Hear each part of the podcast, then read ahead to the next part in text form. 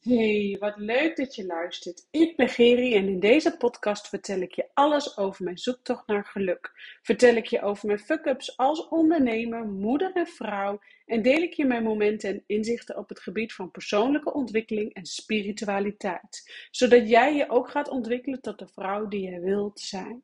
17 jaar lang heeft mijn leven in het teken gestaan van anorexia en bulimia en was het gewoon pikken donker in mijn leven. Totdat ik besloot om verantwoordelijkheid te nemen voor mijn shit en mijn struggles. En deze struggles komen bij tijd en wijle allemaal tegen. En met de podcast wil ik de schaamte eraf halen en jou inspireren om ieder moment weer opnieuw te kiezen. Want ieder moment is een nieuw moment. Rise up, jij krachtige, prachtige vrouw. En um, allereerst bedank ik je weer voor het luisteren. En ik ben vandaag, als je wat hoort op de achtergrond, uh, lekker aan het uh, kokkerellen. En uh, ik krijg tijdens het eten koken altijd mega veel inspiratie over um, nou, wat ik wil vertellen in een podcast. Alleen nu kan ik de juiste mes niet vinden waarmee ik wil snijden. Dat is altijd zo, zul je altijd zien. Um, maar anyway, ja, gevonden.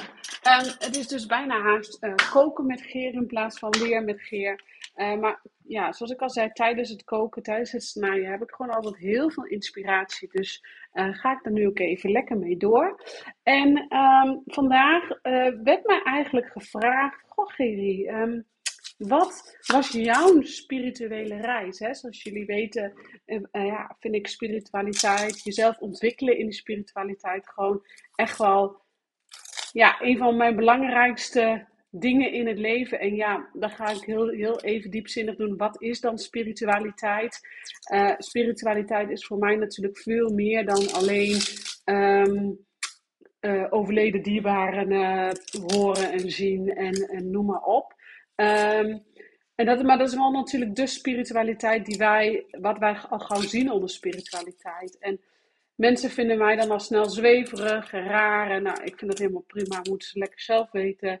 Um, want ik weet gewoon wat met je kan doen als, je, als ik, nou laat ik zo zeggen, als ik boodschappen doorkrijg van overleden dierbaren, dan kan ik daar zoveel mooie uh, bevestiging in geven voor de persoon in kwestie die dan bij mij is. En, uh, maar ook dat ik. Vanochtend was ik dus in gesprek met een dame en ze had het even moeilijk met haar, uh, nou, haar eigen dochter, met de band met haar dochter. En toen, ja, dan is het zo fijn dat ik haar dan ook een stukje bevestiging in kan geven dat een kind daar ook gekozen heeft om bij haar geboren te worden. Dus hè, de ziel die heeft dus ook besloten om bij haar geboren te worden. Dus dat je jezelf daarin dus ook niet zozeer op de kop gaat geven. En nu geef ik even een klein voorbeeld, maar dat is ook gewoon fijn van, van mijn spirituele ontwikkeling. Dat ik ook gewoon een stukje weet van hoe, werkt het in de zielenwereld. Ondertussen begint mijn hond te blaffen. Dus ik kijk het valt weer een podcast van wat naar. Um, maar ja, wat ik daarmee wil vertellen is eigenlijk dat. Um, dat ik dat nu zeg, denk ik, jullie moeten het eigenlijk gewoon zien. Het moet eigenlijk gewoon haast een YouTube-filmpje worden hoe ik mijn uh, podcast opneem.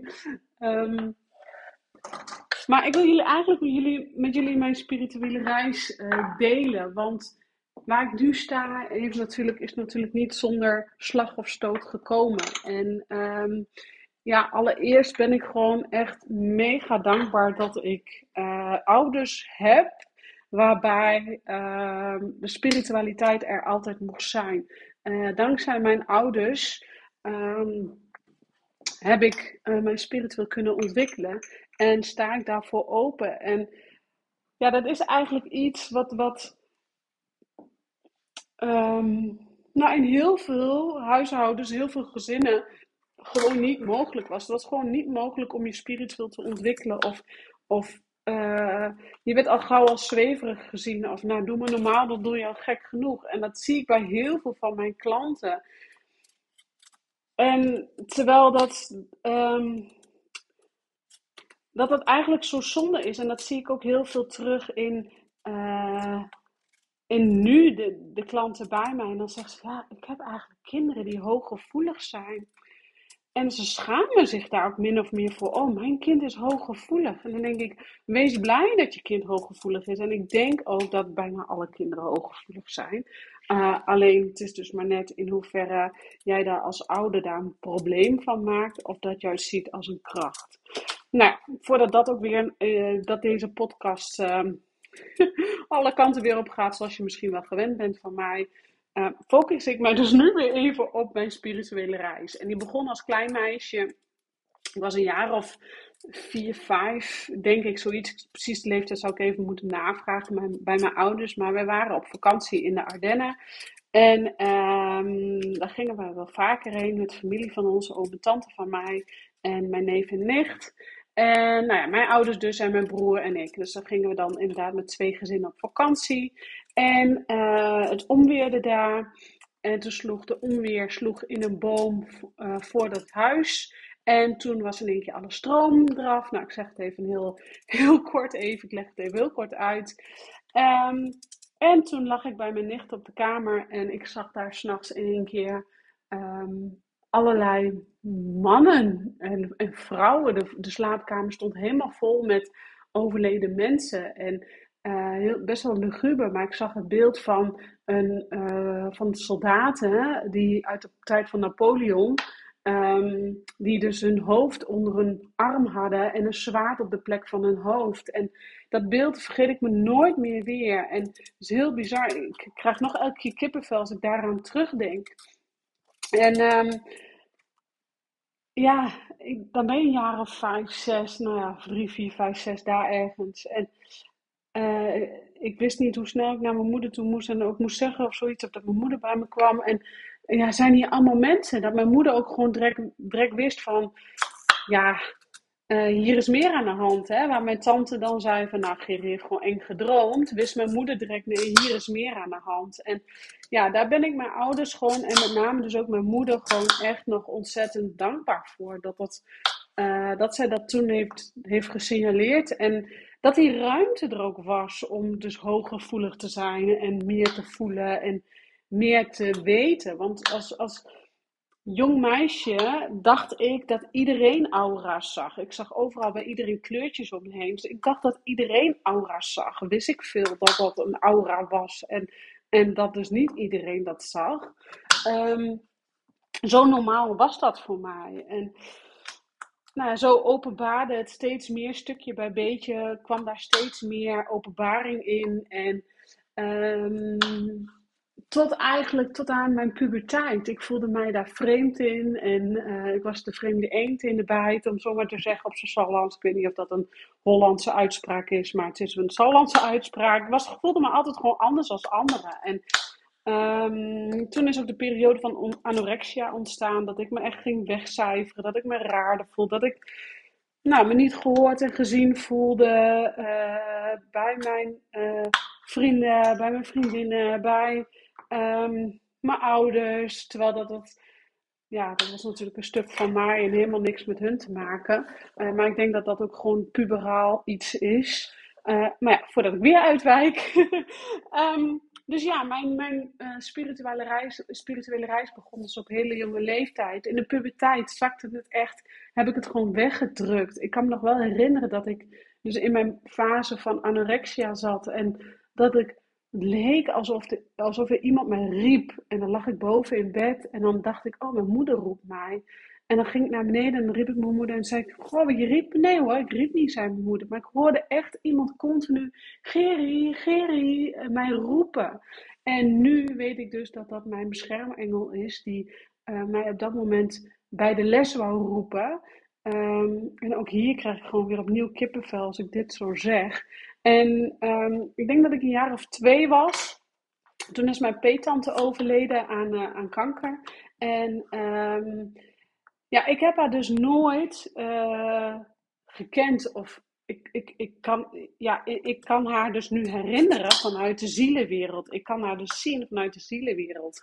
Um, en dat heb ik altijd gehad. Zij is altijd bij mij gebleven. Mijn moeder en, en, en mijn tante hadden destijds een hele goede connectie met elkaar. Een hele goede klik. Dus ja, wat ik zeg, ik heb mijn peetante nooit gekend. Ik was twee toen ze overleed. Maar ik weet gewoon hoe ze eruit ziet. Ik weet hoe zij ehm, hoe ze is qua karakter uh, en hoe beschermend en bezorgd zij ook is. En zij was degene die mij dus altijd riep, die mij in die periode ook bij de les riep, om zo maar te zeggen. En die mij nu nog steeds op de dag van vandaag vanuit de zielenwereld uh, contact met mij maakt om mij te helpen beslissingen te nemen, om mij te helpen het juiste pad te kiezen.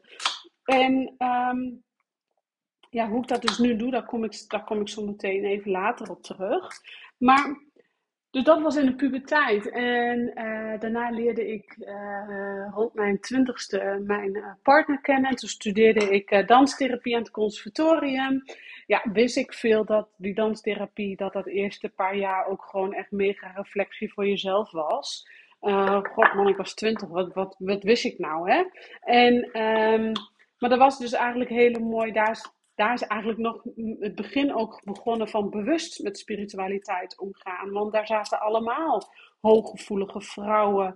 En die waren op zoek naar zichzelf en de verbinding met zichzelf. En nou, daar heb ik ook leren praten eigenlijk over uh, dit hele anorexia. En heb ik stukken aan mogen kijken. En nou, toen leerde ik dus mijn huidige partner kennen. En werden wij vrij snel papa en mama. Ik was 21 toen ik moeder werd.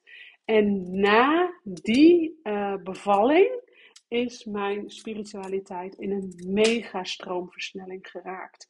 Um, ik weet niet wat het was. Misschien was ik er op dat moment klaar voor.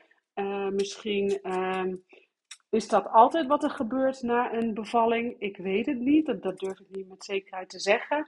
Maar het moederschap heeft mij uh, zo in een mega spirituele boost gebracht.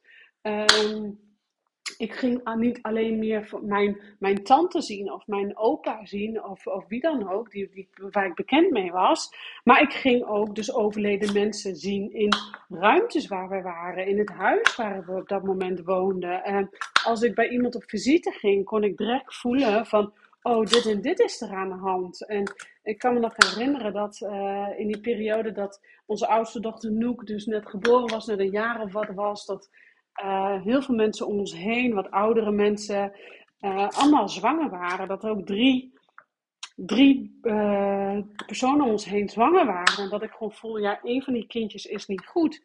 En dat zei ik dan tegen Stef. En zei Stef, nou, hoe kom je daar nou bij? En een paar weken later was daar inderdaad dus een, een babytje in de buik overleden. Ik kreeg gewoon dingen door. Ik kon gewoon heel bizar dat soort dingen gewoon letterlijk vertellen. En dan vertelde ik dat natuurlijk niet tegen die persoon, want ja, dat durfde ik niet. Maar wel, bijvoorbeeld, dan zaten Stef en ik op de bank in de woonkamer s'avonds. En dan zei ik tegen Stef, nou, er zit gewoon nu iemand naast ons. Die gewoon alleen even gehoord en gezien wil worden. En dan kwam zo'n emotionele lading voorbij. Die lading, emotionele, emotionele lading, ging er dan via mij uit. En dat ging even een paar jaartjes zo door en dat was helemaal oké. Ik had ook nog niet echt behoefte aan om het met anderen te delen of, of tegen anderen te gaan zeggen van goh, weet je wel dat jouw kindje in de buik doodgaat om zomaar even te zeggen ja, wie ben ik? Dan ben je een jaar of 24, 25. Dan voel je je niet uh, de persoon toe om dat even te gaan zeggen. En uh, dus ik heb die ontwikkeling eigenlijk altijd een beetje voor mezelf gehouden. Maar ben ondertussen wel met een energetisch therapeut, een spiritueel therapeut aan de slag gegaan om daar grip op te krijgen. Want ik hoefde maar hier Raalt een centrum in te lopen. En ik voelde bij die, oh, die heeft uh, migraine, oh, die heeft kanker, oh, die, uh, die heeft uh, dit en dit is er aan de hand. nou, man, op een gegeven moment merkte ik gewoon aan mezelf dat ik het gewoon helemaal niet meer leuk vond om naar de winkels te gaan. Omdat ik gewoon te veel, too much information doorkreeg van iedereen.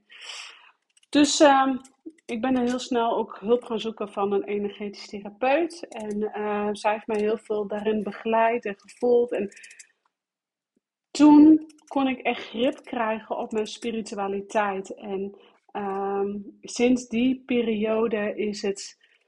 Nou, ik denk dat ik sinds een jaar.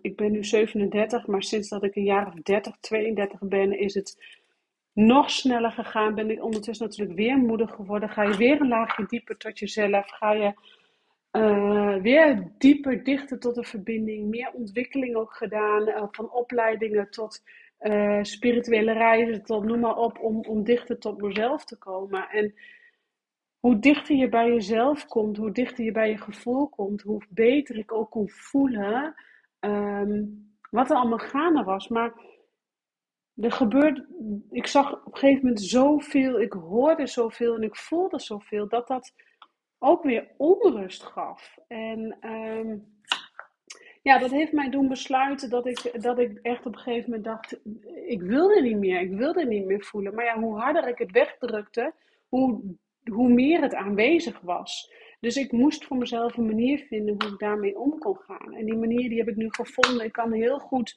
afsluiten. Ik kan heel goed het ook bij mezelf of bij de ander laten. Ja, dan krijg ik inderdaad wat door.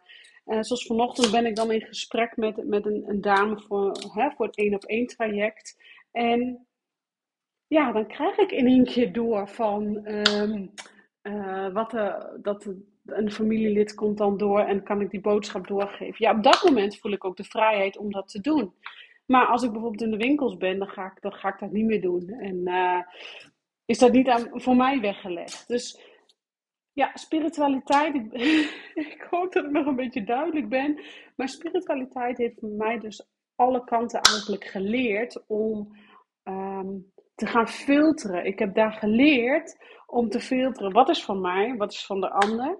Maar met name ook wat heb ik nu door te geven en wat, uh, is, voor, wat is het proces voor die persoon tegenover mij, wat hij zelf aan mag gaan. En dat is dus ook wat ik continu ook gebruik tijdens mijn coachingstrajecten.